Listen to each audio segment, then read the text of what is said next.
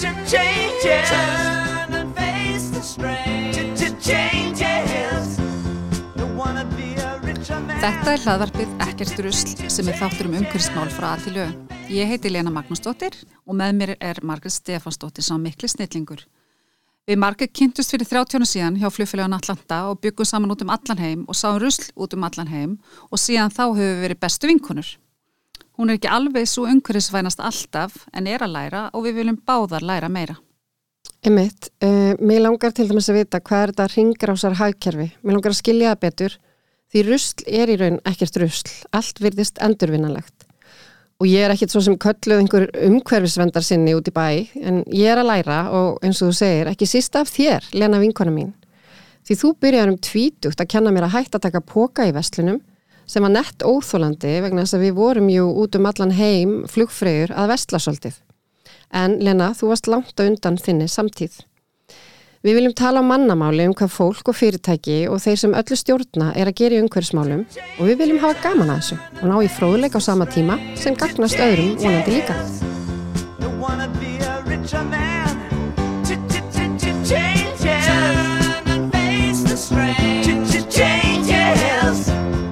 Gonna have to be a different man. Time may change me, but I can't. Það er örglega upptaka hér, við hefum alveg átt svo geðveikt gott spjall sem að hefur síðan ekki verið upptaka. Já, það er náttúrulega... Það skan- það hefur verið skandal. En þetta er, það er allan rekk í gangi, við skulum sjá hvað gerist. Já, vonaði besta. Er það frábær þáttur hjá okkur framöndan? Já, alveg bara meira átt að gaman að hérna, fá til okkar uh, fyrirverðandi umhverfisráðara. Já, við náttúrulega bókuðum hann þegar hann var umhverfisráðra, þannig að hérna, núna er, kemur hann til okkar, Mummi, Og hann er bara svo skemmtilegu maður. já, hann er frábær.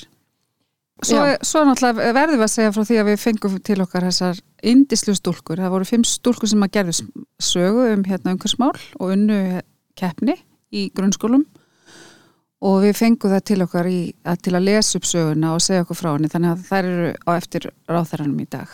Ekkert smá flottastel. Mm Hérna, hvernig, þú nefnilega sagði mér um daginn frá einhverju, það var eitthvað í tengslum við hérna, þitt motto þetta árið að kaupa ekkert engin ný föt, ég man Mhm. ekki, þetta var eitthvað þetta var, þetta var eitthvað svona hérna, eitthvað svona klöfst Tala um þegar symbolum mínu var stólið já, já, já, já það er náttúrulega megaklúður.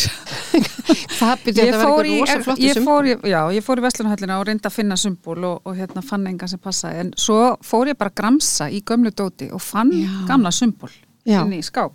já, Þannig að nú að nota ég hann bara. Það er bara frábært. og hann er alveg heilegur Já, já.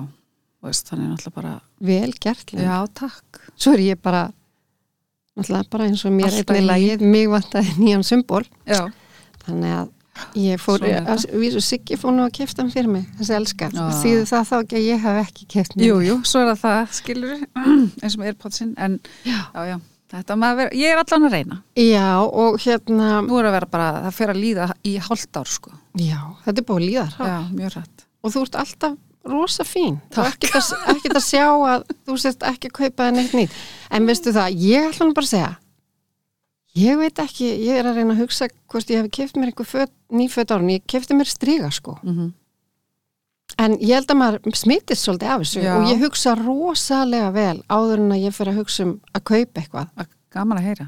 Hérna, er þetta eitthvað sem ég þarf? Á Mhm. ég eitthvað, kannski bara svipa þessu inn í ská Einmitt. og svo framvegist. Er Þetta, já, og það er náttúrulega hvernig gengur síðan hjá þér? Heyrðu það, ég er náttúrulega með þess að síðu ekki drusl og Mm -hmm. kaupum ekki nýtt 2022 og það eru einhverju 450 manns þar inni og við erum alltaf eitthvað að spjalla og, og deila svona linkum á síður sem eru að, að með eitthvað ringrása hagkerfi. Það var til dæmis fyrir fermingunum daginn, það var svona fermingasíða sem að var sett upp, það sem fólk var að nota fermingadót, svona kerti og borða og slíkt og, og var svo að, að bjóða það til annarkur kaups eða gjafa fyrir einhver önnu fermingabötnum. Mér finnst þetta briljant. Þetta er sniðugt. Þú veist, þú ert ekki að nota fjólubár kerti kannski, þú veist, heilt svolítið kerti þannig að þú bara vill leifa öðrum að njóta.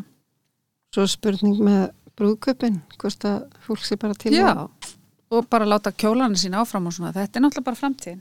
Já, en það er svolítið áhugavert varandi brúðkaup að kjóla leigur, brúðarkjóla leigur, þetta var svo mikið hérna einu sinni. Já, reyndar sko. Það hefur einhvern veginn dottið upp fyrir að bara ekki verið markaður fyrir það. En það er komið fata, svona fínfatalega, þarna sparka, nei hvað er það, spjara, Já, heyrðu, sem við fórum að skoða í hönnunum hans. Spjara er nefnilega mjög flott. Þar, Mhm. þar leigiru í nokkra daga, yfir helgi eða slíkt og svona, uh, þetta er svona luxusvara, Já, mitt. virkilega, Þannig að mér finnst þetta rosa við, hérna, gaman að heyra af svona fyrirtæki sem er að poppa upp, upp út um allan bæ. já, algjörlega.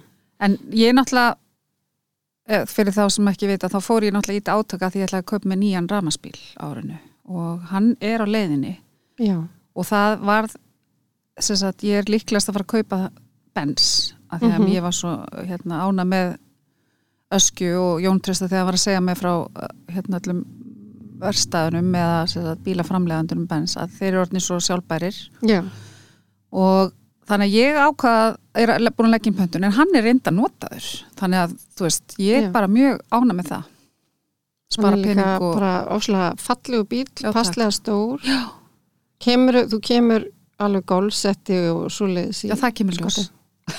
Já, þetta verður, þú verður með áslega lítið gólsett, bara, bara nokkra bara kilóa. örfáar kilfur, notar ekki bara sjö ekki hvort sem er. í gólfi svo sem en ok Minnst þú bara alltaf verið í gólfi. Komst nú Bara til mín í svona vesti, bleiku vesti bara í gær, skoppandinn, bara nýkominu gólfi. Þess vegna þetta hug árinu. golf. nei, nei.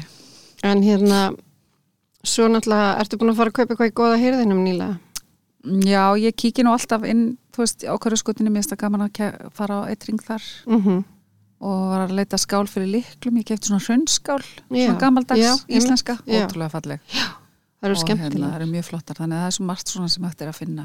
Það er nefnilega svoleiðið sapn á hérna Retreat Bláa Lóns hótelinu. já, svona hraun. Já, allar þessar hérna, þessi íslenska framlista þessi íslenska, Mhm. já, þessar íslensku vörur eru þar. Hérna, já, um, þú sást ekkert plötuspilara fyrir mig. nei, ekki núna, Nei, um alltaf að leita sala á vefvislun er 8% af heildarsölu hérna, góða hýrðisins. er það? 70% viðskiptafinn að vesla aftur. já, skiljanlega Ánæðir, ánæðir viðskiptafinn. ég skil það vel Já, og markmið 2022 er að 15% af heildarsölu góða heyrisins sé hérna á vefnum. já, ok, Þannig að ég er að segja, ég, þetta er náttúrulega, þetta er náttúrulega hérna, mm, okkar hérna, við vorum búin að fá orðið yfir stuðnings hérna, sem var bakkjarl. bakkjall Já. og svo er það krónan Svo er það krónan. krónan við maður er náttúrulega vesla mikið þar Já, hún er náttúrulega upp á Arnaneshæðinni svo nálagt þar sem Mhm. ég er, þannig að ég þreytist ekki á að tala um þegar maður skilur eftir umbúðir að því býð upp á sjöttu hæð já, að hérna, það sé hægt að skila það eftir út að granda mm lefa þeim bara að eiga það. Já, svo sé ég alltaf hjá þeim bananakössunum raðað upp svona snirtilega ef að fólk er að flytja mm -hmm. og vantar kassa til að algjörlega, það er það líka sniðt að þannig við, að, við þurfum að fá þau í þáttin já, stefnum því. já, já, þau ljóta geta sagt okkur alls konar sniðt, en það eru þeir mér finnst þér rosa hljóma opbáslega svona framarlega í Mhm. þessu það er, verðist vera þessi hugsun svona út í gegn já. en ég var að hugsa margænt, við þurfum Mm. eiginlega að finna einhverja viðmælendur út á landi eða þannig að ef einhver er með hugmyndir um slíkan þá endilega sendi okkur á til Já. dæmis Instagraminu ekki drusl eða, eða bara eh, messenger á Facebook eða hvernig sem við erum þar og hérna þannig að ef að þið hafi einhvern sem að ykkur finnst sniðu, vera að gera sniðu og hluti í umhverfsmálum út á landi að þá bara mm þá ætlum við nefnilega við Lena að fara á rafmagsbílum hennar Lenu í svona landsbyggðaferð Já, sko og já, þá meði láta okkur vita ef það er sem sagt einhver sem er framúskarandi í umhverfsmálum og, Mhm. og var í gaman að tala við. Og ef það er svona podcaststudió Já, nálægt, það er náttúrulega í bókasafnum og svona, Já, við finnum út er því. já, það væri Þetta nefnilega, væri brosa gaman. það væri svona vinnuferð. Á Já. minni Laga til við erum til það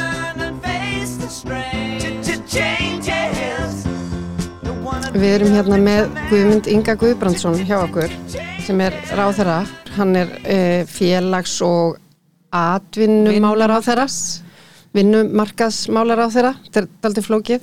En mér lókar bara að kalla hann mumma og því að ég, sko ég, mín reynsla af, hon- af honum er bara, þú veist, við, við Lena vorum í svona vettvangsferð í hérna landmannalögu fórum í göngu þangað Það er að segja frá því Já, þar hitti ég því í fyrsta sinn og, Það var svo gaman að vera með og þetta honum var svo við, já, þetta var svo viðandi, við vorum í fallegri náttúru og hérna svo þurftum við bara að taka hans pásu frá náttúrunni og þá fórum við að spila og þá varst þú að borða við hliðin okkur og við endum á að spila saman heila kvöldstund sem var ótrúlega skemmtilegt. Það var mjög gaman. Og ég ætla bara að segja að mummi er mættur. Heyrðu, mummi mættur Já. og það er gaman að segja frá því að við, við reyndum að fá hann í viðtal sko fyrir hálfára síðan þegar við vorum að byrja með þættina.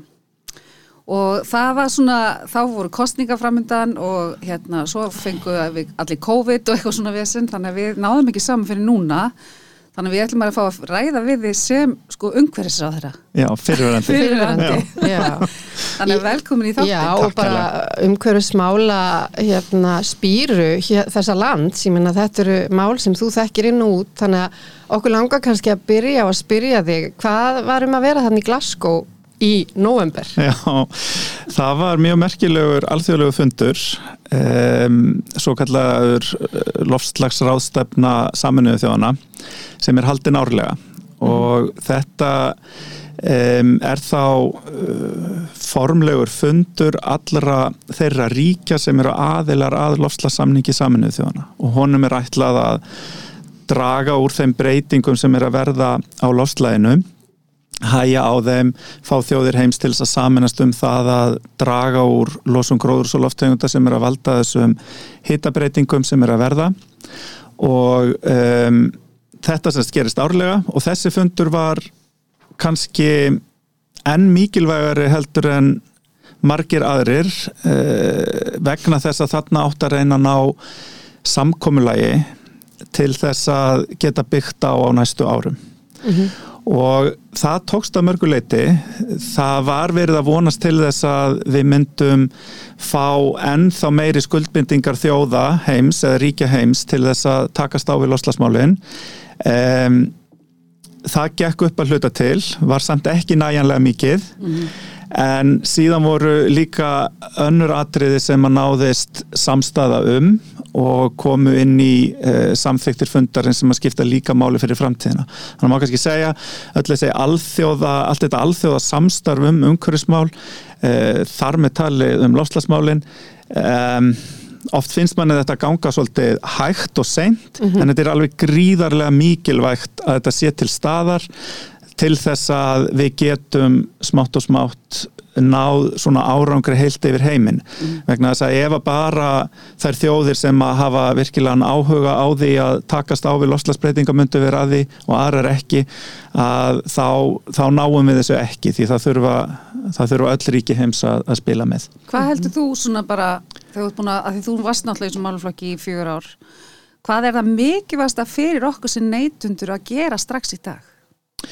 Um, það er bara mjög margt og það er mjög margt sem að neytendur geta gert og oft líður okkur svolítið þannig eins og við vitum ekki hvað við getum gert. Þetta er eitthvað svona í umræðinni lofslagsbreytingar er eitthvað sem að e, er stórt, alvarlegt um, eitthvað sem er að er að gerast núna og ég held Svona að fólk, ótti, já, fólk finnur fyrir líka einmitt. að, að þú veist, ég eitthvað ekki að, að gera nógu mikið en ég veit samt gæli hvað ég á að gera.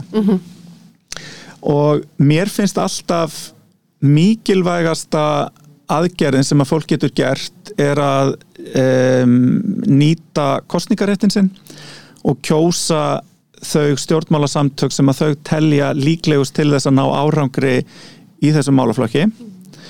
Eh, það finnst mér, mér nummer eitt. Síðan er það í rauninni það hvað getum við gert í okkur svona daglega eh, daglega aðtöfnum sem að geta þá leitt til þess að, að við erum að draga úr þeirri losun sem við erum að veita. Og það getur verið allt frá því að huga því hvernig við um, kaupum í matinn. Hvernig, hvers konar um, hvers konar uh, vöru og þjónustu við, við neytum og þar getum við fengið til dæmis umhverfismerki geta hjálpað okkur og vísa okkur veginn. Já. ef eitthvað er umhverfisvottað þá á það að vera betra fyrir umhverfið. Um, að mínum að þið skipti þó ennþá meira máli að draga bara úr neyslu. Þið viti, allt frá Já. því að bara borða minna mm ferðast á, með svona uh, gáfulegri hætti eða smartari hætti ef maður slettir. Uh, ef að þú getur tekið lest í staðin fyrir að fljúa gerðu það þá, af því það er betra fyrir umhverfið. Þetta er svolítið erfitt fyrir Íslanda náttúrulega ef við erum að fara til útlanda. Það en, en hérna uh, getum við samin að vinnuferð við eitthvað frí til dæmis erlendis skiljiði, Já, hugsa þetta svolítið svona setja inn umhverfishugsununa inn og setja hana í sæti nummer eitt Já, ég er til dæmis í átaki núna að kaupa ekkert nýtt á ári. Já, og búið að ganga á ymsu ég meina það er, ég er búin að lendi að symbólu mínum var stólið í vörklass og, og bara alls konar svona hluti sem maður hugsa bara hvernig ger ég þetta? En svo finn ég alltaf einhvern veginn bara inn í skáp eitthvað gömu bygginni sem ég get notað og ég bara er að gera það. Einmitt. og þú veist, ég er að hugsa eins og með þetta þú veist að við verðum að, að breyta neslunni og, og, og kannski nýta betur það sem við höfum en svo einmitt eins og með hérna flugi og svo leysið sem kemur líka inn á og hérna hvað finnst þið þá eins og þegar þú hast á þessu umhverfisrástefnu þá fegstu, þá far mikið gaggrinni náttúrulega ekki á þig en að menn var að mæta á engaþótum Já, nei, ég meina, mér finnst það náttúrulega alveg orka tvímælis þegar það er verið að, yfir höfuð að, að notast líkan ferðamáta. En síðan get ég ekki alveg sett mig í þau spór að um, vera kannski forseti eða utarríkisráð þeirra einhverja ríkja sem eru gríðarlega stór þar sem að þetta hefur orðið kannski þa- þa- þa- þannig hafa þau þetta vegna þess að þetta fólk sem að gegna þessum embættum þarf að komast hratt og vel á milli. Ég, bara, ég get ekki sett með alveg inn í það. Nei, nei. þannig ég ætla ekki kannski beinlýnis að gaggrina það en mér finnst þetta alltaf pingu skrítið að þetta er bara svona þetta er svo yfirdrifin veginn. Um, en mér finnst að við sko ég ætla ekki að láta það koma í veg fyrir að ég taki eitthvað skref mm skiljiði sem að mér finnst skipta máli. Og við getum talað um líka bara hvernig ferðumst við skiljiði bara í hennu daglega uh, lífi. Og um, þá finnst mér skipta máli uh, sko get ég komist á hjólinu mínu eða gengið í eiginlega flesta þá þjónustu sem ég þarf dagstaglega. Og uh, þegar ég var umhverfisráð þegar þá lagði ég fram að þingi þingsáleittuna tillögu uh, um svo kallar landskipulastefnu sem að kveður á um hvernig sveitafélög hvaða viðmið þau eigi að hafa í ákveðnum málaflokkum þegar kemur að skipulagi. Og við vorum sagt að vinna þá með það að taka lofslagsmál sérstaklega fyrir líðhelsu og landslag og eitt af því sem að var skrifað þarna inni og þetta náðist ekki að klára þetta í, í fyrra vor, það var ekki nægur tími á þinginu, að það var að sveitafélagin ætti að horfa til þess að í aðalskipulagi, í skipulagi borga og bæja og sveitafélaga að þá væri reynd að, tak, að það tæki ekki meir en 15 mínútur að komast gangandi eða hjólandi eða með strætó Já. í sagt alla helstu þjónustu, hvort sem það er skólin, frístundin, búðin eða, eða hvað það er. Og þetta er svona tæki sem að sko er hægt að, að nota til þess að auðvelda okkur að taka jákvæðar ákvarðanir í daglega lífin okkar. Já. og svo náttúrulega, þið vitið eh, það að vera á umhverfis vætni bíl heldur en, heldur en ekki. Og nú fara fleiri og fleiri rafbílar að koma á eftirmarka sem að geta þó líka gert fólki sem hefur minna á milli handana kleift að taka þátt í þessu. Mhm. uh, reyna að nota ferðamáta sem að eru ekki bílar eins mikið og við getum. Þannig að þetta, það eru alls konar hlutir sem að við getum gert. Og nummer 1 og 3 er einhvern veginn að hugsa um, þetta er svolítið eins og bara með innkaupapokan í hérna verslunna að bara langsamlega flest okkar eru löngu hætt að kaupa sér plastbóka, kannski líka vegna þess að einhver umhverfisráð þeirra sem var hérna fyrir ekkit allt og löngu síðan bara banna þessa plastbóka Já, já. já, og einnóta plastót það var mjög Já, en, en pælið í því að þú veist, við erum bara orðin vön því að taka Algjörlega. innkaupapokan með Já. okkur hérna Já. fjölnota, það er bara ekkert mál. Þannig að setja þessa hugsun í fyrsta sæti. Þannig að áður en að við stökkum út í bíl, byrju, get ég kannski gengið þetta? Get ég hjólað, þú veist, ef við erum færum það sé að við erum sem þjóð orðin og þung þannig að það máli blanda reyfingunni í Já, þetta að, hérna, en ég segi bara fyrir mína parta ég meina og ég held að geti alveg margir tengt við það eins og veturinn var þá var ekkit fyrsta hugsun hjá mér bara eitthvað, já já, nú ætla ég að lappa hérna upp í krónu og, og vestla, þú veist, maður bara Nei, nei. beint í bílinn Nei. bensín, bensínbílinn Þú á Nei. bensinbíl alltaf. Já, en, en nei, nei, en, en Ísland er samt erfitt með þessar samgöngur. Þú veist, miða við þegar maður er búin að vera í stórborgum, erlendis, þá eru við einhvern veginn svo, við erum svo eftir á og það er alltaf bara einn maður í bíl. Já, já, það vantar líka bara meiri tíðni á, hraðari tíðni á almenningssamgöngunar Já, þannig að þær séu svona já, uh, eftirsóknarverður ferðamáti. Já, ég hef reyndar, ég bjó á Nesa einu sinni og þá hérna, var ég að horfa á strætisvagna þegar ég satt út á svölum og þeir voru stórir að fara gegnum hverfin og ég hugsa alltaf, akkur er þetta ekki bara minni vagnar sem fara tíðar einmitt, Já. oftar af því að sko það var ég vilt einn eða tveir í hvernig vagni Mhm. og þá fannst mér svona, þetta er nýtingin er ekki, nýtingin er ekki, sérstaklega góð góð. þannig að einmitt, þú veist, minni vagnar og hérna færi, og fleiri ferði væri kannski máli bara. Mér finnst Rætó samt hafa bætt sig á síðustu árum hvað þetta varðar Já. og, og hérna um, en þarna er þetta líka svolítið vitundavakning Já, að einhvern veginn, þið veitir það er bara í góðu lægi og bara gott að taka strætó og Já. það er bara cool. Ég er ekki rétti aðilinn til þess að segja eitthvað sér cool af því ég er ekki cool sko, skiljið hvað ég er að meina? Þannig Já, við, það við, þarf að vera við, einhver við, annar erum að, við erum að tengja á saman stað. En, en svo finnst manni líka bara að ríki og borg gætu alveg uh, lagt, lagt sitt af mörgum og bara akkur er þetta ekki bara frýtt Já, já, nákvæmlega. En, en það er nú kannski önnur saga. En mér langar líka að spyrja þig úti að því nú var Ísland ekkit sérstaklega hérna kannski ofalega á blaði með okkar framlag í þetta varðandi Glasgow fundin uh, hvað finnst þér til dæmis svona sem fyrirvændi umhverfisræður að Ísland geti gert betur í þessum efnum? Já, þetta var hérna þarna á fundinum úti voru við einmitt í miðjökafi í stjórnarmynduna viðraðum og ég skal alveg segja það núna sko, því þær eru búnar og það er komin í ríkistjórn að sko hlutirnir sem að við vorum að semja um í stjórnarmynduna viðraðanum og við enduðum síðan með í nýjum stjórnarsáttmála. Það er bara eitthvað sem er, er hérna mjög metnaðafullt en ég gat ekki sagt frá á fundinum Nei, vegna þess að það var ekki ganga frá því. Já, það var pingulegilegt en það sem að við sögðum frá á fundinum var að e, við værum búin að lögfesta þetta sem er kallað kólefnis hlutleysi árið 2040 Mhm. Og við vorum eina af 11 ríkjum heims sem að höfum þá gert það á þessum tímapunkti. Já, og mér finnst það bara svolítið gott. Er flott. Við gáttum sagt frá því að við værum komið með okkar fyrstu stefnu um aðlögun samfélagsins aðláslagsbreytingum að því við þurfum að aðlaga samfélagi að þeim breytingum sem er að verða. Og það er eitthvað sem að, er svo sem ekki að dek, þú veist það eru mjög mörg ríki komið með svoleiðis en Ísland var ekki komið með og það var ekki stjórnarsáttmálunum 2017 þetta var bara eitthvað sem ég tók upp og ákvaða að við myndum klára og gera.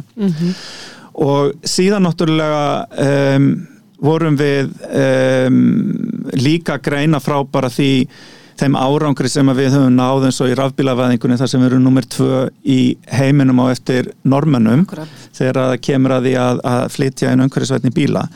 Þannig að sko ef að, ef að, ef að fundurinn hefði verið mánuðið setna þá hefði Ísland komið og sagt heyrðu, ekki bara erum við að taka þátt í samstarfi með Evrópusambandinu sem er svona það sem að er að, að ganga lengst, heldur höfum við sett okkur sérstök okkar eigin markmið um að draga úr losun sem eru metnaðfull, 55% og við hefum líka geta sagt að við ætluðum ekki að gefa leifi fyrir ólíuleit í landhelgi Íslands. Og núna er núverandi umhverfisráð þeirra, Guðlegu Þóð Þórðarsson hann er búinn að um, leggja fram í ríkistjórn frumvarp sem að er að uh, sagt, hveða á um það að, að banna þetta í, í íslenskri efnagslöksu þannig að skiljiði Já, þarna er strax komið eitthvað jákvæmt þetta hefðu verið svona tveir stórir punktar og þriðji stóri punkturinn hann er kannski sá að e, við vorum e, og erum í stjórnarsáttmálanum að segja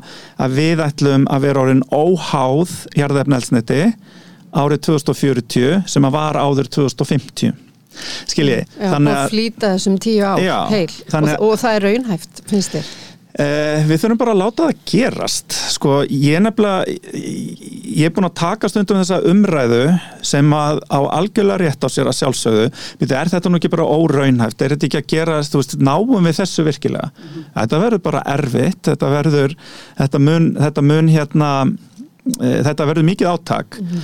en sko ef við ætlum ekki að fara þá leið að setja okkur metnaða full markmið þá náttúrulega förum við ekki neitt, þá komist við ekki neitt nei, nei, nei. skiljiði, þannig að við finnum út úr því Já. við höfum 20 ár fram til 2040 Já. og takninni fleitir mjög hratt mjög hratt áfram sko Já. eins og nú, við, við vorum um að ræða við flugbransan og, og hérna nú komið ljósa elsneti er til sem er sko mikið umhverfisvætna heldur en elsneti sem er raun og verið að nota en mm -hmm. það er mhm. sko sexinu dýrara Já og hver allir sé útskýringin á því, veistu það? Væntalega bara dýrar að, að framlega það mm. Fjárfestingin í, fjár, í öllu ferli já. Já. en þetta verður alltaf ódýrar og ódýrara mm -hmm. þetta er bara eins og rafbílarnir mm -hmm. þeir eru í dag dýrari heldur en samsvarandi bensín og díselbílar og þess vegna er ríkið með sagt, fellir það niður verðisaukarskatt upp á ákveðna marki skiljiði mm -hmm. til þess að auðvelda þessa þróun Já. og einhverjum tímapunkti þurfum að hætta því mm -hmm. einhverjum tímapunkti Já, skiljiði mm -hmm. þegar bara þetta er orðið samkefnisæft mhm.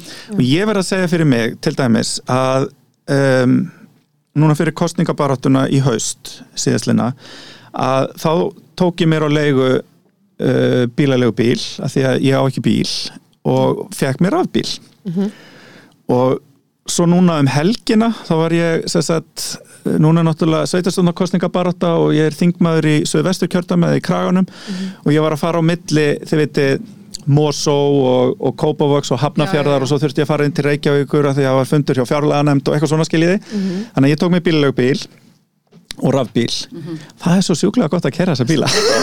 Já, ég er að fara að fá minna rafbíl sko Já. og er mjög spennt að kemur næsta Kraft, manni kraftmiklir, hljóðlátir og, og tilfinningin það er eiginlega öll sem að segja og engi séu tveilósun, þú ert bara ok, ég er bara að keira á umhverfisvænan hátt eins, eins og hægt er sko. Emitt, og svo er eiginlega öll sem að segja ef maður spyr, já, en vilt ekki hérna, allir ekki að fá þig bara dísel næst nei, það er svo ríkala gott að kæra þetta maður. Skiljiði mig. Það er plús. Við erum mjög ánað með ramaspíluna mm. hérna, þessi ráðuneyti, nú ertu náttúrulega komin í, í hérna, félagsmála og vinnumarkasmála ráðuneytið hvernig tengjast, myndur þú segja þessi tvö ráðuneyti, svona náttúrulega umhverfsráðuneyti, mm -hmm. tengjast umhverfsmálum en hvernig getur þú sett þetta inn í nýja ráðuneytið þitt? Um, sko í fyrsta lagi að þá stendur vinnumarkaður náttúrulega frammi fyrir allstórum áskorunum bara vegna lofslags og teknibreitinga Algjörlega. og eitt af því sem við þurfum að gera þar er að reyna að meta uh, hvað munu þessar breytingar kalla á -hmm. fyrir vinnumarkaðin það er að segja færnina sem að fólk þarf að búa yfir uh, breytinguna sem að sko á þeim störfum sem að mun fækka eða hverfa mm -hmm. og hvernig er hægt að þjálfa það fólk upp í að sinna öðrum störfum og þetta er rísastórt verkefni náttúrulega allstaðar í heiminum og það er talað um sko um, það sem heitir á ennsku just transition mm -hmm. eða uh, réttlátt umskipti Já. og það er gríðarlega stórt bæði réttlætismál að fólk sem að vegna þeirra breytinga sem eru framöndan og verða þegar sér stað að það sé einhver stuðningur til þess að, að hérna, taka þátt í rauninni, hvað við segja, bara nýju samfélagi. Já. Og þetta er eitt af stóru verkefnunum sem að þá snúa að mínu ráðunetti þegar kemur að, að loslasbreytingum og umhverfismálum. Um, síðan er náttúrulega uh, að mínu viti sko heru lofslagsmál og það að sko nýta náttúrun á sjálfbæran hátt mm -hmm. eru rísastort velferðarmál Algjörlega.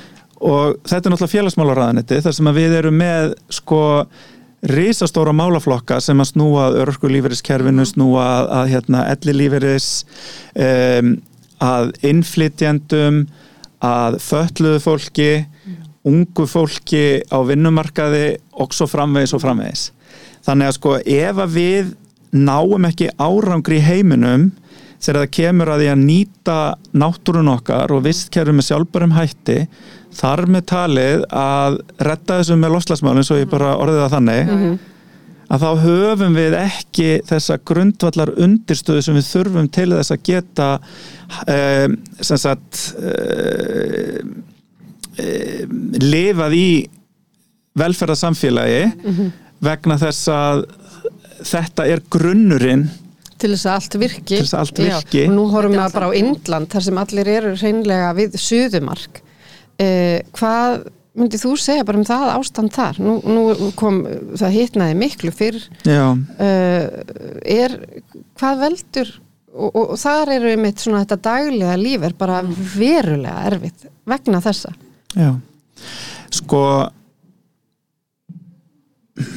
Núna ætla ég ekki að gerast veðurfræðingur en Nei. samt smá Ég ætla Já. ekki að þetta við pappa bara. Já, pappin kemur svo ræður þetta setna hérna, sko e, það er alltaf erfitt að segja hvort eitthvað svona eitt atvik eins og við erum að sjá núna í Indlandi sé sko bein afleðing lofslagsbreytinga eða hvort þetta sé eitthvað sem að tilfallandi já, eða þú veist Og til, eitthvað eða tilvik sem, að, Já. sem að gerist einu sinni eða sjaldan Akkúrat. en að því sögðu að þá erum við að sjá uh, fleiri hittabilgjur við erum að sjá uh, sko meiri og stærri þurka og meiri og stærri líka sko úrkomu eða úrkomu atburði.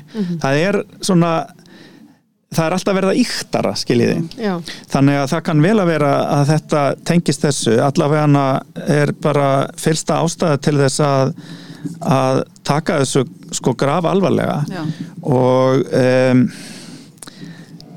já, þetta er þetta eru sum svæði heims þau munu upplifa meiri þurka meiri hita og það mun hafa gríðarlega mikil áhrif á bara möguleika fólks til þess að, að búa og byggja þessi svæði Akkurat. Þetta er náttúrulega líðheilsumál algjört að, Já, að við séum að, taka á þessum málum. Við margir erum alltaf að reyna að hafa samt svona eitthvað jákvæmt og skemmtild í þessu og reyna að, að, að þetta sé, þú veist, það er alveg von. Þú veist, Algjörlega. þannig að það er svo mikið sem er að gerast þessum bara með rafbílaveðingun og svona og minkandi CO2-lósun og, og, og, út um allan heim. Þannig að við snúum okkur á þessu einhverju jákvæðu. Hvað, Já. hef, hvað, hvað ertu svona stoltastur af í þínu starfi sem umhverfis á þeirra þegar þú varst þannig í fjögur ár? Já ef, við snú, ef, við, ef við horfum á, á sko lofslagsmálina þá var það náttúrulega að uh, í, í fyrsta lagi að koma fram með sko fjármagnaða aðgerðar áallin í lofslagsmálum sem að við endurskoðum síðan um, einu sinni á kjörtímabilinu og vorum þá komið með einhverja 50 aðgerðir í, í bara, sem að snúa að öllu samfélaginu. Mm og það að hafa náðað að keira þessa vél í ganga einhvern veginn Já. Setja fjármagn inn í þetta sem að, bara, bara svo mikið fjármagn hafði ekki sést. Við vorum, að, við vorum að, að, að auka fjárframlög inn í lofslagsmálin sem að bara voru í ráðunitunni hjá mér um 7-800% skilji. Mhm. þetta er rosa Þannig að, og ég veit að þetta var ekkit rosalega mikið kannski, skilji, já. Já, Nei, kannski ekki aðeins meira. En skiljiði hvað er að menna Já, Og auðvitað er ég bara virkilega stoltur af því að það hafi gerst. En mér langar líka að nefna þetta með kólefnis hlutleysið að setja það í lög Já. vegna þess að það er nefnilega það er svona um, eitthvað sem að þú ferð ekkert svo auðveldlega tilbaka með sko Nei, þetta er komið til að vera Já, og þessi þetta þróun og, já. markmið um kólefnis hlutleysi Já. 2040 Já, bara komið inn í lög. Nei. Uh, í þriðja lagi langar mig að nefna að hafa um, sett heilmikinn kraft í það sem að snýra ringrásarhagkerfinu og það er bæði var ný úrgangsstefna og um, breytingar á lögum um úrgang, úrgangsmál sem að munu taka gildi núna um næstu áramót sem að munu stóra auka þjónustu heim til okkar allra munu skilda okkur til að flokka e, munu samræma flokkun á landinu þannig að þegar ég fyrir úr Kópavogi yfir til Reykjavíkur eða e, til Akureyrar þá á ég að geta gengið að því sem vísu að ég þurfi ekki að læra upp og nýtt að flokka. Einmitt. þannig að e, allt, auð, allt þetta er eitt. Já, meina plastið já, aðgerrar áallunum um hérna plastið er, er hérna eitthvað sem að e, var líka gert. Og svo náttúrulega verði ég að fá að nefna friðlýsingarnar sem að e, friðlýsa svæði, verðmætt svæði í íslenska náttúru. Svo hugsa ykkur það að, að geysir og goðafoss og látrabjarg þetta voru svæði sem að voru ekki friðlýst áður en að ég kom í ráðanetti Já, þau eru það núna mm. til hamingi með það Já, takk svo mjög leiðis. Þannig að skiljið, þetta er kannski Já, já. það sem að maður er svona stoltastur af. En stóra, stóra myndin að hafa komið lofslagsmálunum á kortið. Já, bara frábært og hérna, en hvað var svona fannst þér erfiðast í þessu? Uh, að ég er alltaf svo með lítið að... koppinn Pa- Já, finnst það að ég er alltaf svo lítið að pæli í hvað er erfitt, sérstaklega eftir á. Já. Ég ætla eiginlega bara að fá að sleppa því að svara þessu spurningu. Er það í lagi? Já, en, það er allt en í góðu eitt sem ég finnst líka svo forundilegt að því nú er þetta þín hjartansmál, það eru umhverfismál og þú þekkir þau rosalega vel. Svo er maður í pólitík og maður er settir í nýtt ráðaneti. Hvernig er ekki erfitt að slíta sig frá þessu og, og já, ég meina, hvernig tekstu á við það sem, sem hérna ráðara? Um, ég bara varð strax frá, við skulum segja, öðrum degi Já, mjög spenntur fyrir þeim málaflokkum sem að eru í því ráðuniti sem ég er í núna. Og ég segi frá öðrum degi að því fyrsta dag, daginn var í pingu svona ég, ég skilja mjög vel. en hérna og það eru náttúrulega það eru náttúrulega svona þið vitið málefni sem að koma alveg við kjarnan í manni sem að maður er að sinna núna. Já, fólk sem að um, það, það fólk í samfélaginu sem að hefur kannski minnst á milli handana um, og bara öll þau tækifæri sem felast í því að gera betur þegar kemur að örorkulíferistegum um, eldra fólki sem að þeim hluta eldra fólk sem hefur minna á milli handana því það er líka mjög margt eldra fólk sem hefur það mjög gott. Uh, fatla fólk að reyna að, að eh, vinna að, að eh, betrum bót, bótum í þeim málaflokki til þess að gera þ- sko fölluðu fólki betur kleift að taka þátt í samfélaginu. Þar eru ímsar hindranir ennþá. Það er bara Já. alveg, alveg augljóst mál. Og svo eru náttúrulega risa, risa stór málaflokkur og það er uh, málefni útlendinga og innflytjenda.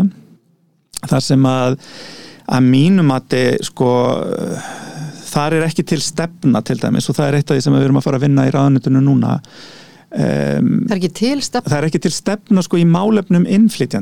Nei. það er til framkvæmdar áallun í málefnum innflytjenda þetta, þetta er það en hún byggir ekki á einhverju ákveðni stefnu Nei, og við hefum náttúrulega lög um útlendinga um, sem að ákvarða það, þeir veitum með hvað hætti fólk kemur til landsins og hvernig það fer vernd og það allt saman, en stefnan um það hvers konar hvernig ætlum við uh, hver eru markmiðin með því að að fólk sem að hinga kemur hvernig það aðlaðast samfélaginu hvernig það getur orðið þáttakandur í samfélaginu uh, fundi fyrir tilgangi í lífun á nýjum stað upplifa sem, sem hluta af samfélaginu. Og hvernig getur það orðið sko um, já, virkir þáttakandur því að ég óttast það að uh, all stór hluti eða bara jafnvel mjög stór hluti þeirra sem að hingað hafa flust um, og hafa leitað sér að, að skjóli hérna vegna þess að aðstæður eru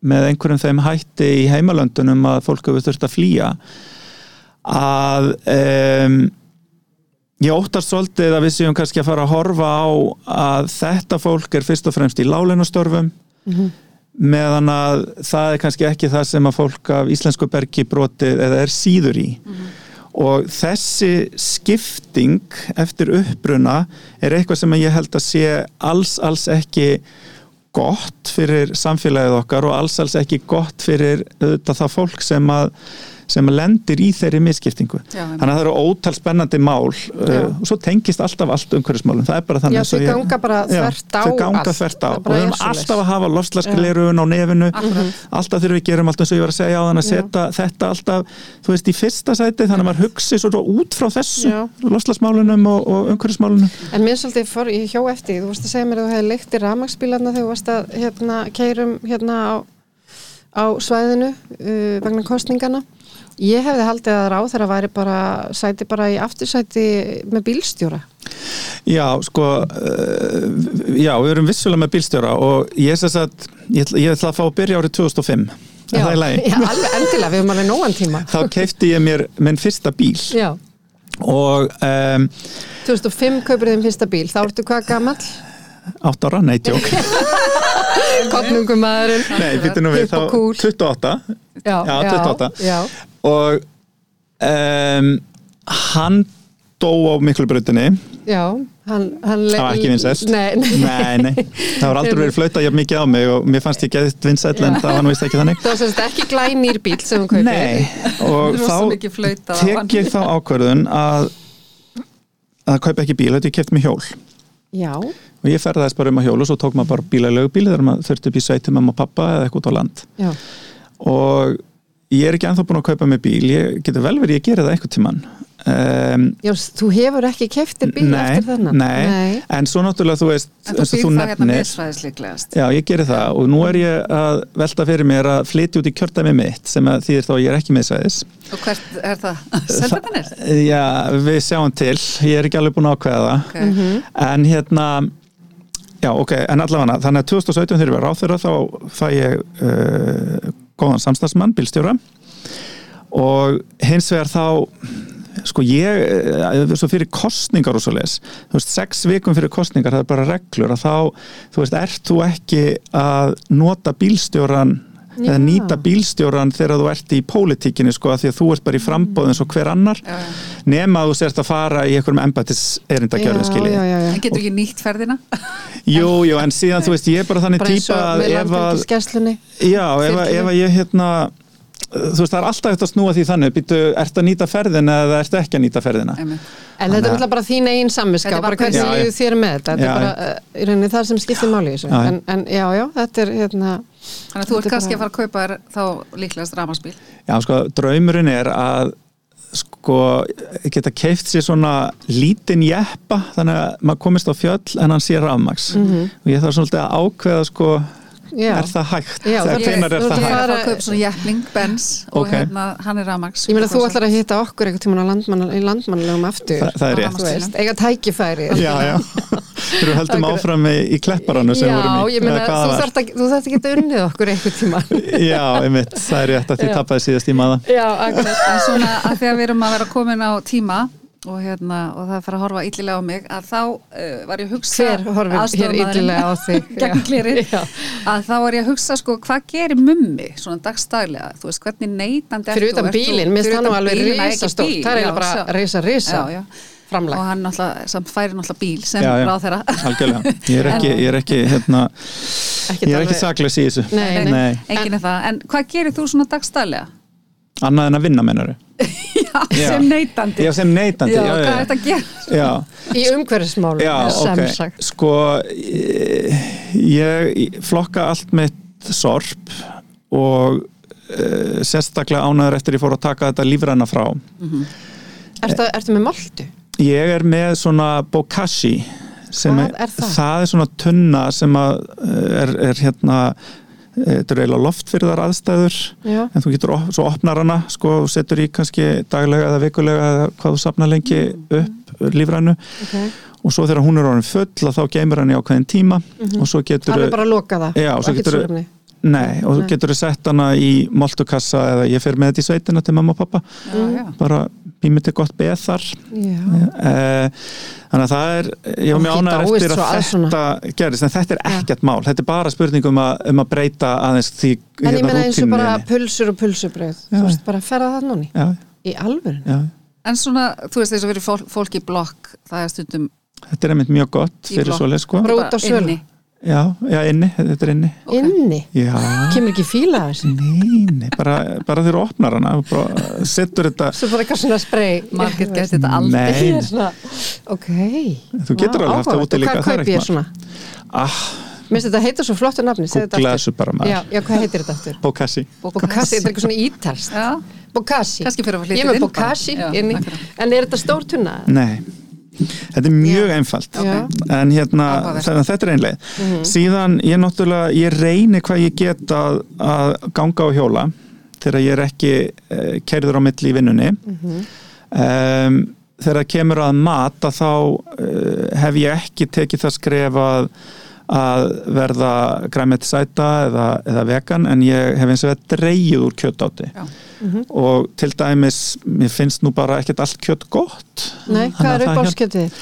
það, það er fólaltakjöt en það Já. borða ég eiginlega aldrei Þarna Nei. mistu við alla umhverju sinna en ég borða það eiginlega aldrei vegna þess að æ, það er einhvern veginn það er ekki á bóðstólum nei, nei, nei og ég myndi aldrei fara að kaupa það einhvern veginn út í Nei, búð, nei. skiljiði um, en já ég borða mikið fisk Mhm. þannig að mér er svona umhverfislega kannski skárra, já, betra hann er líka bara svo Íslenska góður, góður. góður, góður Já. og, og, já.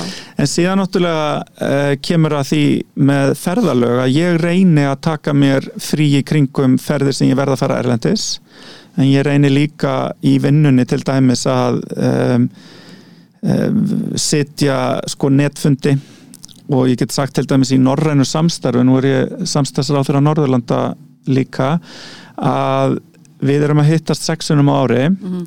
og það er búið að vera annar hvort fundur núna í hérna á, á netinu. Já, já. og ætlið að halda því? Já, eða, eða COVID eða, já þetta, er, þetta, er, þetta er vegna COVID sko, Já, sem að þetta en, gerist. en mögulega bara hægt að en við vorum með fund núna í síðustu viku á netinu þannig að Já. við hefðum getað ferðast. Já, og það er vissulega mikilvægt að hitta stundum sko. Mhm. jú, við erum með sumarfund í. Noregi núna í, í loki júni og já, það verður mikilvægt ég er til dæmis ekki búin að hitta þau ennþá eftir að ég Nei, tók við nei. af því að það hafa verið bara fjárfundir mhm.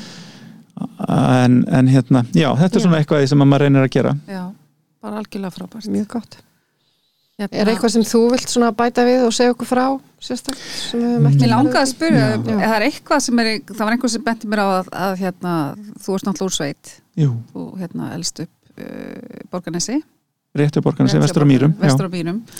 Og, og hérna, ég sendi nú einu svona myndband þarna sem var tekið og, og við vorum aðeins að tala um það. akkurat, það. Það var skemmtilegt. En hérna varðandi, það var, var einhver að segja mér að það væri verið að gera eitthvað á landinu. Er það bara einhver saga sem að annarkost að mókon í skurði eða gróðsetta tré eða eitthvað svona? Já, heima hjá mér Já. já, já, já, þau, þau hafa verið að, í, í ímsu heima sko og kannski bara öllu þessu sem þú nefnir. Þannig að hérna, já, já Mikil áhrif á þinn bæ. Ég myndi nú segja að þetta hafa nú bara komið allt til hjá þeim sjálfum Já, sko frábært. og uh, pappi er nú búin að vera mjög lengi í skórækt til dæmis um, en maður svona ég, ég man alltaf eftir því að það er svæði heima í sveitinni þar sem að, sem að heitir Hítardalur og er svolítið, hlut af hannum er eh, talsveit ítla farin á gróðureyðingu og ég man bara alltaf eftir því þegar maður fór með pappaðangað að, að hann einhvern veginn hann kendi manni að lesa þennan hluta landsins að þetta væri ekki rétt að þetta væri svona. Einmitt. og það eh, síðast inn og ég hef alltaf haft alveg gríðarlegan áhuga á landgræslu og hérna í námi mínu til dæmis bæði í líffræðinu og í umhverfisfræðinu út í bandaríkjunum og þá stúderiði þetta svolítið og fór að vinna hjá landgræslunni landgræslu ríkisins þegar ég kom heim og námi þannig að þú færð þetta svona í uppbyldinu Já, hlutu til, segja það já þetta var virkilega skemmtilegt spjall með mig. Og svo tökum við hérna margt sem ég langar að spyrja en nú er tíminn bara Já, búinn. það er bara búið að líta þig mjög illa auga hérna eins og þú sagði en, en mumma langar ekki að fara ég finn það alveg. Langar þið að segja eitthvað meira? Ég er svo sem, maður er alltaf talandi eitthvað. Já, já, en, en hvað, hérna, svona eitt að lokum, hvað uh, er svona það skemmtilegasta sem þú gerir í þinni vinnu og hefur gert í gegnum tíðina? Um, það sem að gefa mér mest er þegar að maður sér árangur af því sem að maður er að gera. Þegar maður sér raunverulega að það sem að maður hefur sett í gang skilar árangri. Mm og ég get nefnt bara eitt lítið dæmi að því að ég held að það, það skilji það flest sko, mm. sumt í þessu er alltaf svona já, hörru, tölunar og svona, svona, svona og það er vísbendingum þetta og þetta en Mm. ég man alltaf eftir því að, að um, hann Einar Bárðarsson plokkari með meiru Einmitt. hann sagði einu sinni við mig eftir að það var búið að, að banna plastpókana og sérstaklega þessa litlu þunnu sem voru í grammetinu minniði Mhm.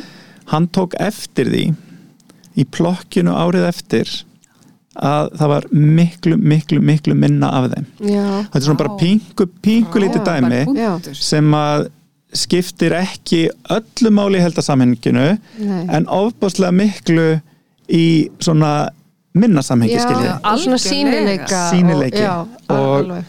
um, það er þegar svona gerist sem að maður gleðst. Já, hann var einmitt viðmælandi okkar hérna og var einmitt að tala um það að við værum upp til hópa bara mjög snirtilegt fólk og værum ekki suppur, við sitjum ruslið okkar í ruslatunur en það fíkur upp úr. Já. og þessi pókar þá fjúka ekki upp úr Nei, lengur minna, því já. þeir Nei. eru bannaðir. Og það varst þú sem bannaðir það. Já, það voru ekki allir ánægð með það. Nei, þetta er- svo venst þetta Já, svo venst þetta. Ég er náttúrulega Það ekki tekið svona póka núna í svona 25 ár. Nei, og okkur Nei, einmitt. langar ofbúslega mikið að sjá það gerast að til dæmis ruslum borði í flugvélum Já. að það verði flokkað og ekki brent ég menna það er, Við ræðum það við umhverfisráðara Já. núverandi umhverfisráðara Já. síðar. Ég meina það, það er, það er næsta skref hjá okkur. Fá, fá gulla, mummi gulli. Með mig gulli. Já, takk fyrir komuna. Er takk kærlega fyrir Frábært að hafa þig. Gaman að vera. fyrir. Bless. Heyrðu, við erum hérna með alveg frábæra gest í dag og ætlum að taka svona pínu uh, ungu kynsluðina með eldri í þessum þætti. Og hérna eru hjá okkur stattar fjórar alveg gríðarlega flottar stelpur sem eru allar á 14 ári. Og hérna og þær voru að vinna keppni í hérna og ég ætla að leifa þeim að segja okkur frá því betur en þær voru sérst að vinna keppni í grunnskólanum uh, og veru með alveg frábæra smásögu sem kom inn á heimasíðu Facebook ekkert ruslhópsins. Og hérna þannig að ég bara, við erum bara komna með þér hérna í stúdíu og ég ætla bara að fá ykkur til að kynna ykkur stelpur velkomnar. Takk, ég heiti Una og Meita. Ég heiti Katla og ég heiti Sara og síðan er líka einannu stelpa með okkur sem heitir Hrafnildur. Þannig að þið eru fimm saman í þessum hóp Já. og, og voru að klára þessa smásögu og, og hérna hvernig kom það nú til? Sko, þetta var eiginlega bara verkefni í skólanum og síðan fyrir þetta að þetta væri að fara að vera sendt í keppni. Þannig, já, unnum keppni. Og hvaða keppni var þetta? Það var ungt umhverfisfréttafólk. Hvað segirðu? Var talaði Það betur í? Ungt umhverfisfréttafólk. Já, ungt umhverfis frétta fólk þannig að þið ákvaðuð að gera náttúrulega sögu um umhverfið okkar Já. Frábært og við, Margrét lásum þessa sögu og við vorum mjög hérna hrifnar af henni þannig að við ætlum að byggja ykkur um að lesa fyrir þá sem er að hlusta söguna hjá okkur í dag. Yes, ok. Þannig að morgunin hans Kalla, klukkan var halv átta í morgunin á mánundi. Kalli þurfti að fara í vinnuna og hark heyrist í honum. Engum langar fyrir vinnuna eftir helgi. Hann fór fram úr og borðaði morgumat og hendi matnum að því hann vildi ekki meira. Kalli klætti sig og bustaði tennina, náði liklana og hoppaði út í bíl. Shit, hvað er kallt, sagði hann þreytulega. Hann kveikt á bílnum og beigð með hann í gangi í 6 mínútur. Svo hann myndi hitna. Hann keiri svo í 20 mínútur upp í vinnu og kemur við í sjoppu til að kaupa sér sómasamlingu í næsti. Hádeins kalla. Hann er búið með samlokuna og ætla að henda plastumbúðinni en vinnan hans var ekki með plastrusl einni almennt. Svo hann hendaði umbúðinum í almennt rusl. Hann er orðin svolítið þreyttur svo hann hellir upp á kaffi og drekkur það í einnóta kaffiglasi með list. Þegar hann kemur að hátæðinu er Kalli orðin dálítið svangur í hátæðismat og ákvæður að panta Dominos, tímur ekki að borga fyrir heimsendingu og sækja sjálfur á bílnum. Loksis er þessi afar langi vinnudagur búinn og tími til að aka heim sem tekur 20 mínútur. Á leiðinu heim kipti hann sér nýjan jakka sem var nefnilega í nýjustu tísku og með henni fylgdu plastpóki heima átt hann samt nokkra jakka. Kvöldi hans Kalla. Kalli kom heim úr vinnunni klukkan 6 eftir erfiðan dag. Hann nefndi ekki að elda svo hann pantaði sér núðlur á netinu og fór að sækja þær á bílnum. Afgriðslukonan rétt hann núðlunar í plastumbúðum og plastboka. Þegar hann kemur heim opnaði hann núðlunar og sá að það var einn plastskafall og tveir pinnar sem fylgdu með. Þegar Kalli var búin að borða var sósan ennþá föst í umbúðinni. Hann nefndi alls ekki að þrýfa það svo hann hendi þeim í almennt sorp. Kalli horfði á sjónvarspettin á Friends langt fram á kvöld. Hann var ekki komin upp í rúm fyrir hann kl. halv eitt. Er þú kannski svolítið eins og Kalli? Ef þú ert eins og Kalli þá getum við hjálpað þér að breyta því. Við þurfum að passa upp á hvað við erum að gera. Venjulegu dagur hjá fólki að meðatali getur átt svona dag á hverjum degi sem er orðið mjög slæmt. Búin til nýja og betri útgáfi deginum að skalla, til dæmis með að breyta öllum reyðutekstunum í grænan, eins og til dæmis svona. Nýji morgunin hans Kalla. Klukkan var sjö morgun á mándegi. Kalli vaknaði nefnilega snemma í dag svo hann geti frekar hjóla í vinnuna, frekar hann að keira. En um veturna tekur hann strætó. Hann fór fram úr, borðaði morgumat, en vildi ekki meir svo hann setti það í fjölnóta glærboks fyrir næsti í vinnuna. Kalli klætti sig og bystaði tennunar. Náði í hjólið sitt og lagði að staði í vinnuna. Hann hjólaði samtals í 30 mínútur í staðin fyrir 20 mínútur keislu. Nýja hátegi hans Kalla. Kalli borðaði restina af morgumatnum í hátegismat. Það var ekki nóg svo hann fekk sér banana sem voru frýir á kaffistofinni í vinnunni. Kalli tók eftir því að vinnan hans var búin að bæta við plast, pappír, lífrænt og almennt rusl, svo hann hendi bananahýðinu í lífrænt. Hann náði fjölnóta bollan sinn sem hann geymir pennana sína í, þreif hann og þurkaði hann og fekk sér kaffi. Kalli var sóngur aftur um klukkan tvö. Hann vissi að það væri salarstæður í göngufjarlægð svo hann gekk þangað og keipti sér góðan skamt af salati. Hann gati ekki klára það svo hann pakkaði því saman. Lók vinnudagsins hjólaði hann heim og kom við í búðinni á leiðinni. Keipti sér það sem hann þurfti í matinn og ekkert annað óþarfa. Nýja kvöldi hans Kalla. Þegar Kalli kom heim bjóð hann til spagetti með vörunum sínum sem hann hafi keift í búðinni. Hann bætti svo við afgangssalatinu og kláraði allan matinn sinn. Kalli var í stöði fyrir eftirrétt og smá fest loft, þannig að hann ákveður að fara í smá göngutúr í Ísbúð huppu og ringir í vinn sinn Palla og bauð honum með. Þau tókum sér skeiðað heimann því Kalli maðan að huppu ís voru með plastskeiðar. Kalli fekk sér lítinn bræðaref í pappustollu. Hann gata ekki meir, svo þegar hann kom heim setti hann ísin í fristi fyrir næsta kvöld. Klukkan var að vera tíu og hann var búin að horfa á tvo þætti af Friends. Svo hann ákvaða að fara upp í rúm því að hann vissi að ef hann myndi hangsa yfir Netflix myndi það bara hafa áhrif á morgundaginn. Við getum öll sett okkur markmið. Þið tóku kannski eftir því hvað þetta voru alls ekki erfiða breytingar en þetta hóst nú af sjálfstöðu ekki allt á einum degim. Því Kalli byrjaði bara með einu skref í einum, eins og það að hjóla í vinnunan. Það er svo sannlega erfitt að byrja en það er svo rosalega virðið þess. Tökum eitt skref í einu eins og Kalli saman. Vá, hvað þetta er flott. Ekkert smá. Kalli og Palli þarna félagarnir bara fara að köpa ís og hafa næs lappandi, Já, mjög já. gott. Ég kannast alveg við þegar þið spyrjið þarna, ert þú svolítið svona eins og Kalli? Uh, ég kannski, þú veist, er ekki að panta með pítsu svona miðum degi en ég meina, maður er ekkit alltaf að hugsa um þetta. Eru þið alltaf að hugsa um umhverfið eins og í því sem þið gerir stelpur? Hvernig, svona, hvernig er ykkar dagur þegar þið farið svona í gegnum þetta í höfðinu?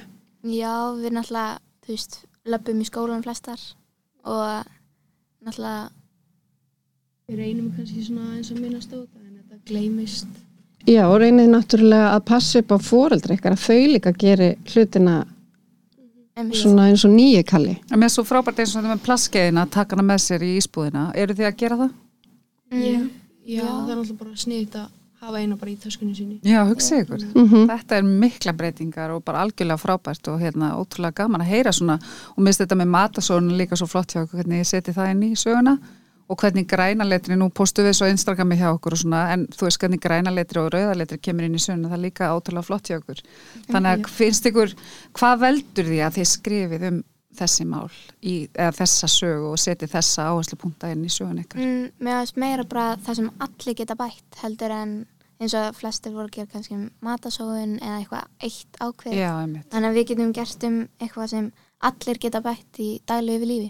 Það er svona litlu hlutinni sem við erum að fara að reyna að bú, gera betur heldur en við erum að gera Einmitt. dagstæðlega. Okkur fannst líka svo mikið, svo margir, þú veist, horfið svo að breyta, þú veist, lífinu sinni í meira svona umhverfisvæn. Hugsa alltaf bara, ó, þetta er svo erfitt, ég nenni ekki að byrja. Já, Og það er ekkert mikið sem þarf, þú getur bara að byrja á lítlu í einu. akkurat. En Þessi saga og klárlega heima bara allstar út um allan heima því að hún er svo svona uh, eðlileg, eða skilji þú veist það er einmitt engir öggar í henni og hún er bara Nei, svo frábær þannig að þið er náttúrulega bara og voruð þið alla bara að taka þátt í þessu og fannst ykkur þetta spennandi og skemmtilegt er mikið svona í skólanum um svona mál núna Mm, ekki, Var aðalega bara þetta verk. já, eiginlega. Mhm. En er ekki svolítið verið að tala um umhverfismál í kennslu? Finnst ykkur það með að vera meira? Já, það getur klárlega að vera meira umhverfis. Farið meira í svona, minnst alltaf vera farið að sama, svona matarsóun og fatasóun. Það er svo mikið að lítlum hlutin sem við gleymum okkur oft bara um, Mhm. eins og það er svo létt að bara byrja að Emmitt, lett að byrja að flokka, já. Svo fannst mér einmitt líka að því þið tali um þegar hann fór að kaupa, kaupa sér nýja fleik og tók plastboka af því að ég hef nú reynd sjálf að taka þessi minnsta pókum út utan um ávesti og bara var alltaf hérna í gamla þetta að setja bara í töskuna og fólk var að horfa mig í búðum eins og ég væri sko þjófur. Og sem betur fyrir að þetta nú sem betur við búið í dag. Já, en hérna þannig að þetta er svona breytingar sem við erum að taka með okkur póka, við erum að taka með okkur hlutina setja þetta bara á okkur í staðin fyrir að vera endalust að taka póka heim sem við förum með og umbúðir mm þú veist, einhver að láta pakkin blómum eða láta pakka eitthvað sem þú fer bara með strax já, og eins jólagjafir og ammálsgjafir og, Mhm. en eru þið orðna miklu meðvitaðari svona af því að þið voruð að skrifa þess að sögu hugsið þið það öðruvísi Já, Við fórum svona að hugsa meira út í smáatrið. já. Já, já, einmitt og maður er einmitt að að hugsa því nú eru þið nú 14 ára stelpur, er þetta ekki fermingar árið ykkar? Eða var það í fyrra? Já, þannig að þið eru 15 á þessu ári Já. Hérna, maður er einmitt að velta fyrir sér að því á þeim tíma allavega mann maður það að manni fannst nú daldi gaman að fara í búðir og skoða fött og svona um, Eru þið þá meira kannski að fara í búðir þar sem er verið að selja nota? Já, núna getur verið í tísku svona í uh, notið född. Er mjög mikið tísku núna. Já. Þannig, já, klárlega. Mm Þannig að þið seljið jafnvel fött sem þið notið ekki lengur Já. Já, Það er mjög mikið svona fatasalmin á Instagram já, sem er bara mjög gaman að skoða. Það er bara margir sem stofna aðgang og eru bara að setja föt sem not ekki og það er mjög lett að skoða það allt bara heima. Já. Þetta er nefnilega algjörlega frábært. Þannig, þannig fer þetta allt í ring og þarf ekki að fara í einhverja urðun og slíkt. Og svona betur nýti, það er náttúrulega nýtt þá betur. Farið eitthvað í góða heyrðin Mm, mm, Meirlega bara svona með foreldrum. já. Já, einmitt, það, er svona, það er svona fólk á miðjum aldri Já, eða, eða fólk sem er að byrja að búa þeir eru náttúrulega ennþá svo ungar Ungar. en þið munu örgulega að vera fasta gestir þegar þið farið að búa Okkur finnst það líka svo gott að miklu ódýrar að kaupa notaða hluti. Mhm. Já, það er bara, er þannig sko og ég held bara að krakkar í dag eru svo miklu svona meðvitaðari heldur en í raun foreldrar þeirra þannig að þið eru kannski svolítið að kenna fólkinu ykkar Já. Einmitt. en sískinin ykkar ef þið eigið sískini, eru þau eitthvað að hugsa út í þetta? Kanski aðeins sorpa. Eða þú veist, að blokka og þannig. Já, einmitt En hvernig gengur þessu í skólanum eins og ég mann þegar strákandi mínu voru í hagaskóla það var svo rosalega miklu henda mat af því maturum var bara ekki nógu góður Já. hvernig er þetta í voðaskóla? Það er allan að þegar við erum komin í úlingadeild þá er matur í senasta tíma. Þannig að máttu alveg fara heim eða þú vilt. Já, að það eru mjög fáir í mat. Já, já, Ég já, líka tekið eftir því að þið setja alltaf bara lítið á diskin Já. Ef þú vilt meira þá fyrir það aftur Þannig að ef þú vilt ekki meira þá er það að henda miklu meiri mat já. Þannig að vera að skamta minna á diskin. Mhm. Það var síðan líka annar hópur í okkar bekk sem gerði eins verkefninum bara um matasóna í skólanum. já, Það vekti mjög mikið svona áhuga hjá skólastjórunum Já. og kokkinum þeir fóru að skoða þess meira út í það svona. en frábært já gott að það komi voru það að mæla hvað mikið fór í rusli og svona Já, Já. þau voru um þetta að vikta það. mm. Rýmdi og sjá svona fiskurinn var meira og svona eins og súpa var minna. Já, Mhm. akkurat. Það þarf að hugsa þetta alltaf því að hann alltaf þessi sko að við förum út og veiðum og svo kemur hann hérna heim til okkar og síðan förum við með hann í, eða, veist, í skólan og svo er hann hent. Mm Það er alltaf bara algjör sóun á öllu, á öllum vikstuðum sko.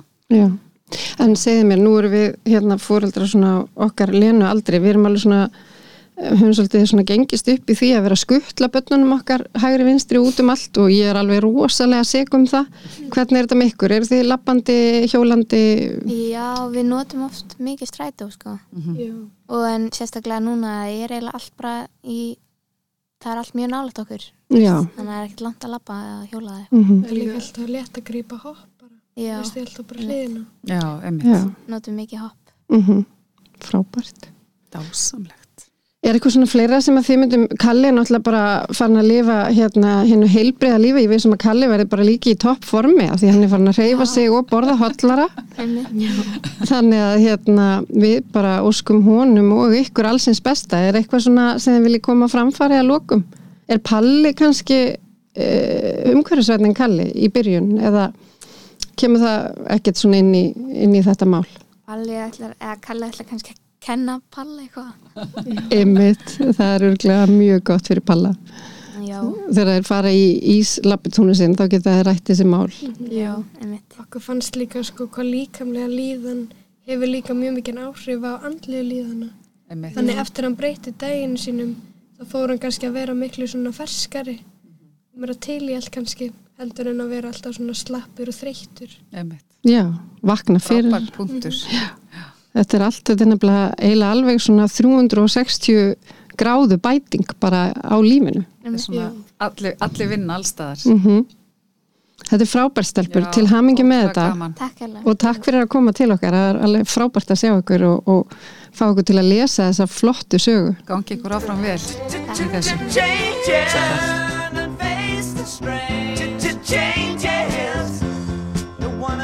Já, við ætlum að tala um þá sem að styðja við podcastið okkar Já. okkar góða podcast sem að við erum nú alltaf að hérna fá fleiri og fleiri svona sem eru að segjast hlusta og Le- Lena reyndar tekur alla sko viðmældu sem mæta enga og bara ert þú að hlusta okkur? Hvaða þátt hlusta þar á?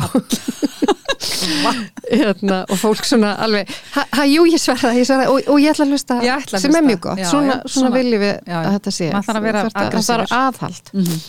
en ég var nú að segja frá því í síðasta þætti að ég reyna að koma á framfari hvað var í uppáhaldsbíli minn og ég var nú ekki betur að mér en það að ég vissi ekkert hvað, hvaða bíla væri eða hvað hann heitir. En það er náttúrulega svona Mercedes-Benz uh, sem er alveg bara, þetta er svo geggja jeppi hann er svona kassalaga og hann er Mercedes-Benz G og ég bara býð náttúrulega spennt eftir því að þessi bíl komi í sjálfsög. en ég er ekki viss um að svona að budgetið endilega sé fara að leifa þetta Nei. þannig að mögulega byrja ég á því að kaupa mér notaðan eldgamlan og þá verður þú já, En þá verð ég alltaf að ná í þig bara. ert þú alltaf að ná í mig og ég er alltaf að fá far. Já. þannig að ég get alltaf verið að fá mér í glas. Þú náttúrulega, læstist hérna inn í hliði og þú þurftur að koma daginn eftir að ná í bílinn eftir að koma síðast í stúdíunum. Jésús, mér fannst ég vera bara að fá besta staði í bænum. En ég var að flýta mér, mannst, ég var alveg sein. Var svo bara kem ég og alltaf fara að fara og hætta hérna ég kom mér heim eftir þetta þá þurfti ég bara ringja neyðar síndal í Lenu og beðum að sækja mig því að það voru svona stöplar sem að hefðu svona komið upp úr jörðinu og lokað staðinu Og risast og skilti allstaðar. Hér verður loka klukkan 6, hér verður loka klukkan 6. það var láfið að það var ég sko blikkaði framann í mig en ég sá þetta ekki Og þú þú koma hérna á mínútinu 7 morgunin eftir. ég verið að hugsa um einhver svona óbúslega gáðilegt að segja um umhverfsmál þannig ég bara gæti ekki einbytt mér að öðru en því, ég náttúrulega get ekki gert nema eitt í einu Akkurat. Þannig að þú ætlar að fara í ösku og kaupa þig bíl. Nei, ég, ég fyrir að kaupa mér notaðan svona bíl, ég sé einn mm 3,5, hann er kerðið 200 og eitthvað þúsund Já, þetta er. Já. Þetta er rosa góðkaup. 1, 20 og 100. Já, um Það eru góða skemmtun. Ég hins að fór í krónuna og hérna var þar og er þar mjög ofta því ég fer svona á kaupi Tokyo Sushi sem er alltaf besta sushi í bænum og þeir eru á mörgum stöðum að eins og Granda þá eru þeir að búa til þar og, og selja það dagstælega, bara geggja sushi sko. Já, ég þarf að fara að fá mér það. Og síðan náttúrulega er svo gott það sem maður getur gert, ég gerði það nú ekki við sushi bakkana svo sem að skilja það eftir í búðinni en þegar ég kaupi eins og pítsu og svona þá, fer, þá er hægt að skilja eftir umbúðir. Og þetta Ég er sé ég náttúrulega svona að gera. fyrir mér kaupaði sushi og bara borða það guffaði til þess að geta Á skilja staðnum. umbúðum eftir. Já. en nei, nei, það er allavega Mm. það er svo margt sem að er óþarfa umbúð sem maður nennir ekki og á að vera að bera sérstaklega heim til sín. Eins og gefum við dæmi um umbúðir sem það er við til dæmis pítsukassar þið kaupið pítsu sem er í plasti en í kassa Já, þá já, tek já ég bara kassan af pítsunni Já, að því hún er í eftir. plastin og þeir koma svo svo í endurvinnslu hjá Já. krónunni Þú ert sniðu, Lena. En mér finnst líka, ég hef verið að nota appið þeirra til að vestla, æ, þú veist, ekkert nýlega, en ég notaði það til dæmis þegar hérna, COVID var svona sem hæst að láta senda mér vörur heim Mhm. og mér finnst appið þeirra mjög gott Mm. Og það sem að gerist hjá mér í þessu, ég verð verð uh, meðvitaðri. Horfir, þú sér svo augljóslega verðmun á því sem á vöru flokkunum sem Mhm. þú getur keift og svona samanburður. Æðislegt. Þannig að fólk svo sem ætti að nota sér þetta og þá er það líka síður að keira út í búð og allir eitthvað einir í bílunum sínum. Og er heimsending. Já. Já. en þú getur líka valið að sækja í Já, búð já, þá er þetta tilbúið bara þegar þú kemur. Akkurat um, síðan var ég að skoða Facebook síðuna hjá góða hyrðinum mm ég er nú alltaf að gera það já, þú ert svo dugleg náttúrulega við að fara til þeirra líka já, já. En þeir áttu ammali, sérst, voru við kannski búin að segja frá því að góði hýrðin átti eins á sammali. Já, við sögðum Já, frá því um daginn. Mm En uh, já, það er bara svo margt uh, fallegt sem að kemur að inn og mér sín, það virðist vera líka bara svolítið svona fólk þarf örugglega að vera duglegt að koma út því ég vissum að það er svona góð velta á hlutunum hann. Já, það fer mjög mikið inn og mjög mikið út en mér finnst líka eins gott að vera með Facebook síðuna þín og skoða hana Mhm. og þá koma oft uh, svona dagar þar sem við erum með svona rýmingasölu og þá er 50% afstáttur öllum húsgögnum eða eitthvað stíkt þannig að það er um að gera ef fólk vantar eitthvað þarf að kaupa svoleiðis að þá að Mhm. kíkja í það fylgjast með hérna social media hjá þeim. Algjörlega. En hvernig gengur þér í því að sem sagt, kaupa ekkert nýtt? Heyrðu, það gengur bara þú sér að ég er alltaf bara í sömu fötunum og hérna Ég líka, sko. nei, Jú. þú ert í nýju jakka Nei, hann, ég keifti hann sko fyrir, ég held að þessi ekki hafi verið keiftur fyrir svona sjö árum. Nei, en það Ég- sem ég finn helst kannski er uh, á buttunni og Já. ég ætla nú einhvern tíma að taka þetta bara saman hvað ég er í raun búin að spara mikið á því á, í því sem ég hef þurft að kaupa Mhm. og Og nú er svafa náttúrulega á Grænlandina og þú þarft ekki að kaupa smokka. Nei. Æ, þú veist þetta, nú, nú er ég að vísi það að að þeir sem, þetta. þeir sem eru að hlusta Já. og vita ekki um hvað ég er að tala, Mhm. þá var það svo fyndið þegar þú stopnar þessa Facebook síðu Mhm. að fyrsta, ein, eina fyrstu spurningunum sem best er, berast eru hérna, þetta með smokka, hvort það megi kaupa smokka því Já. þeir séu nýjir. Akkurat, og það má það má, en bara, já, já hö- höldum þessu til Já, haga. en það gengur, átækið gengur vel og hérna, og eins og ég segi, þetta er uh, það eru alls konar áskonan í þessu og ég fyrir gegnum það á síðunni sem heitir, eða þarna Facebook ekki drusl, kaupum ekki nýtt 2022 mm og fullt af fólki sem er að taka þátt í þessu taka þátt með mér í þessu. Mhm. og það er skemmtilegt.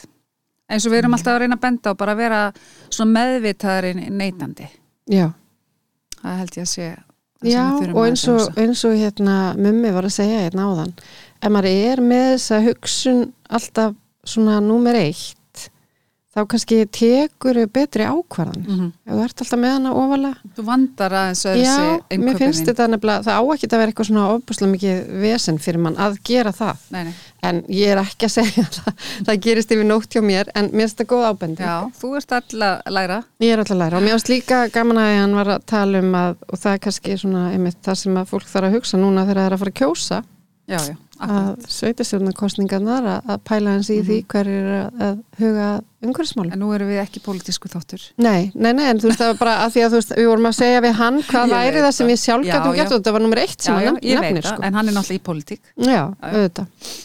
En bara þá bara þökkum við okkar góðu stuðnings uh, fyrirtækjum fyrir aðstöðuna.